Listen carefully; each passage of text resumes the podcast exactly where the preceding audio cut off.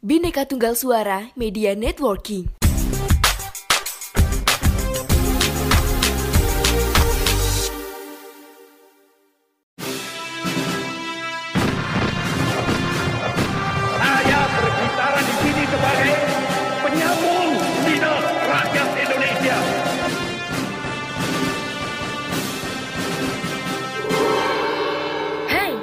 Terima kasih sudah memilih mendengarkan kami, Poseidon, podcast yang bikin kalian gagal move on.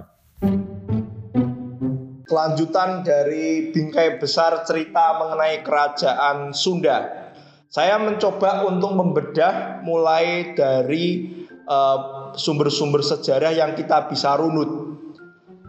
Kalau dari analisis dan data sejarah yang ditemukan oleh para sejarawan dan arkeolog, kita kemudian bisa membagi bingkai kerajaan Sunda itu eh, sesuai dengan letak kerajaannya. Karena tadi sudah diungkapkan di bagian sebelumnya bahwa sempat pula terjadi perpindahan eh, pusat kekuasaan yang mengikuti alur eh, pemenuhan kebutuhan pangan ya dengan ladang yang berpindah itu maka kita bisa menerka-nerka bahwa eh, kerajaan Sunda ini kemudian eh, juga diberi nama sesuai dengan tempatnya saat itu dan juga termasuk dinasti atau raja yang membentuk kerajaan Sunda.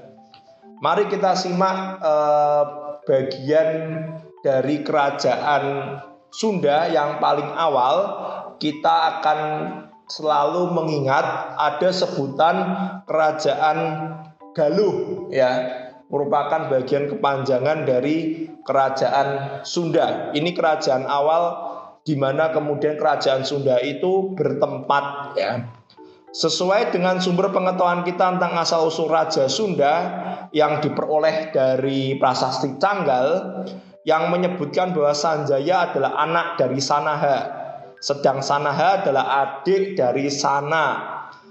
Dan yang kedua itu adalah Carita Parayangan yang menceritakan bahwa Sanjaya adalah anak Raja Galuh yang bernama Sena dan Sanjaya adalah ayah dari Rahyang Tamperan.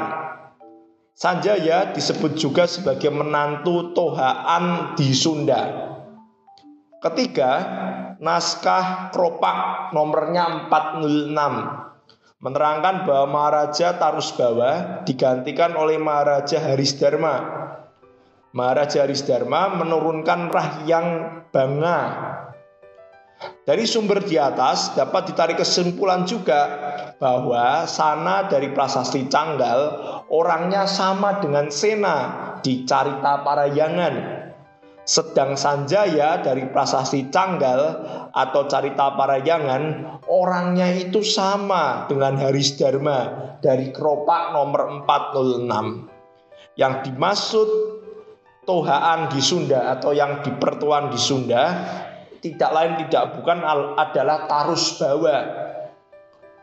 Dan sumber-sumber tersebut menyebutkan bahwa Sena berkuasa di Galuh pada suatu ketika, Rahyang Purbasora berhasil merebut kekuasaan dan berhasil menyingkirkan Sena. Sena lalu diasingkan ke daerah Gunung Marapi yang kalau dirunut secara geografis Marapi ini berada di daerah Kuningan Jawa Barat, bukan Merapi di Jawa Tengah loh. Dan kita lihat juga putra Sena yang bernama Sanjaya berhasil merebut kembali pusat kerajaan Galuh dan menjadi raja di Galuh. Di samping Raja Galuh ada juga Tohaan di Sunda atau yang tadi sudah saya sebutkan yang di Pertuan di Sunda bergelar Maharaja Tarusbawa. Sanjaya sebagai menantu Tarusbawa terkenal dengan nama Haris Dharma. Kemudian Sanjaya sebagai Raja Galuh menjadi Raja Sunda menggantikan Tarusbawa. Akan tetapi Sanjaya tetap berkedudukan di daerah Galuh dan Galuh tetap menjadi pusat pemerintahan. Jadi ini bagian dari uh, penunjukan letak tempat ibu kota kerajaan Sunda. Bahwa Sanjaya kemudian menggantikan Tarusbawa dapat diketahui dari gelarnya yaitu Haris Dharma tadi ya teman-teman. Gelar Dharma biasanya dipakai oleh seseorang yang menjadi raja berdasarkan hukum dan bukan berdasarkan keturunan. Dalam hal ini kita bisa menginterpretasikan bahwa dia yang disebut atau bergelar dharma itu biasanya adalah sang menantu. Dan urean-urean ini tentang asal-usul Sanjaya sebagai Raja Galuh memang terasa agak misterius. Namun kita bisa simak kembali. Prasasti Canggal menyebut Sanaha sebagai ibu Sanjaya sedang Carita Parayangan hanya menyebut Sena sebagai ayah Sanjaya. Dengan begitu, Sena sama dengan Sana, ayah Sanjaya. Lalu eh, bagaimana perkembangan selanjutnya? Ya masih dalam proses penggalian arkeologi maupun penelusuran sejarah. Tetapi baru di abad ke-9 uh, perkembangan kerajaan Sunda itu bisa dirunut dalam konteks historis.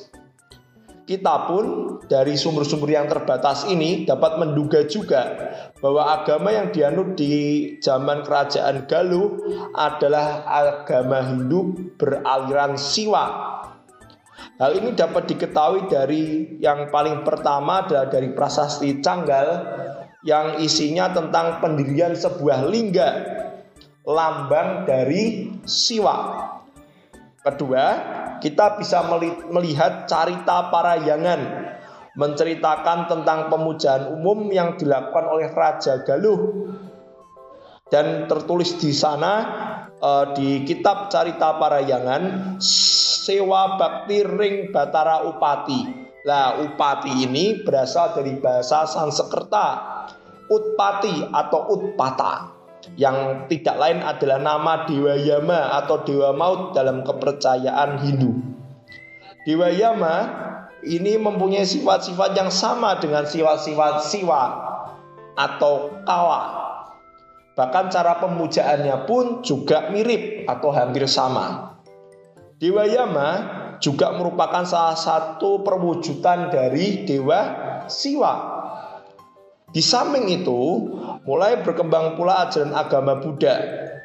Namun dalam cerita Parayangan, Sanjaya berpesan pada putranya. Ini ada cerita yang menarik teman-teman. Jadi eh, agama ini berkembang seiring sejalan antara Hindu dan Buddha. Maka kalau kemudian kita menyebut eh, kebudayaan Hindu Buddha, ya tidak salah karena ternyata dalam konteks historis memang eh, berjalan seiring ya juga bisa kita duga bahwa dengan teori-teori bekal-bekal hipotesis um, kedatangan uh, penyebaran ajaran agama Hindu dan Buddha, kita juga bisa melihat dari kitab cerita Parayangan ini, teman-teman, bahwa dalam kitab ini juga disebutkan bagaimana uh, dinamika ajaran agama Buddha. Sanjaya sempat berpesan pada putranya, itu Rahyang Tamperan, ya, yang sudah saya sebutkan di awal tadi yang kurang lebih adalah janganlah mengikuti agamaku karena dengan itu aku ditakuti orang banyak. Dan memang kenyataannya bahwa di wilayah Jawa Barat Buddha memang tidak berkembang dengan pesat sepesat yang ada di Jawa Tengah. Pada abad ke-8 bahkan agama Buddha ya Buddha Mahayana, aliran Mahayana atau kendaraan besar gitu ya orang menyebut karena kemudian untuk masuk ke nirwana harus punya nilai sosial hidup, berbagi, bersedekah, berderma untuk kemudian bisa mencapai kesempurnaan nirwana begitu. Dan agama Buddha ini menjadi agama resmi negara di bawah kekuasaan dinasti Sailendra. Demikian penjelasan saya. Terima kasih.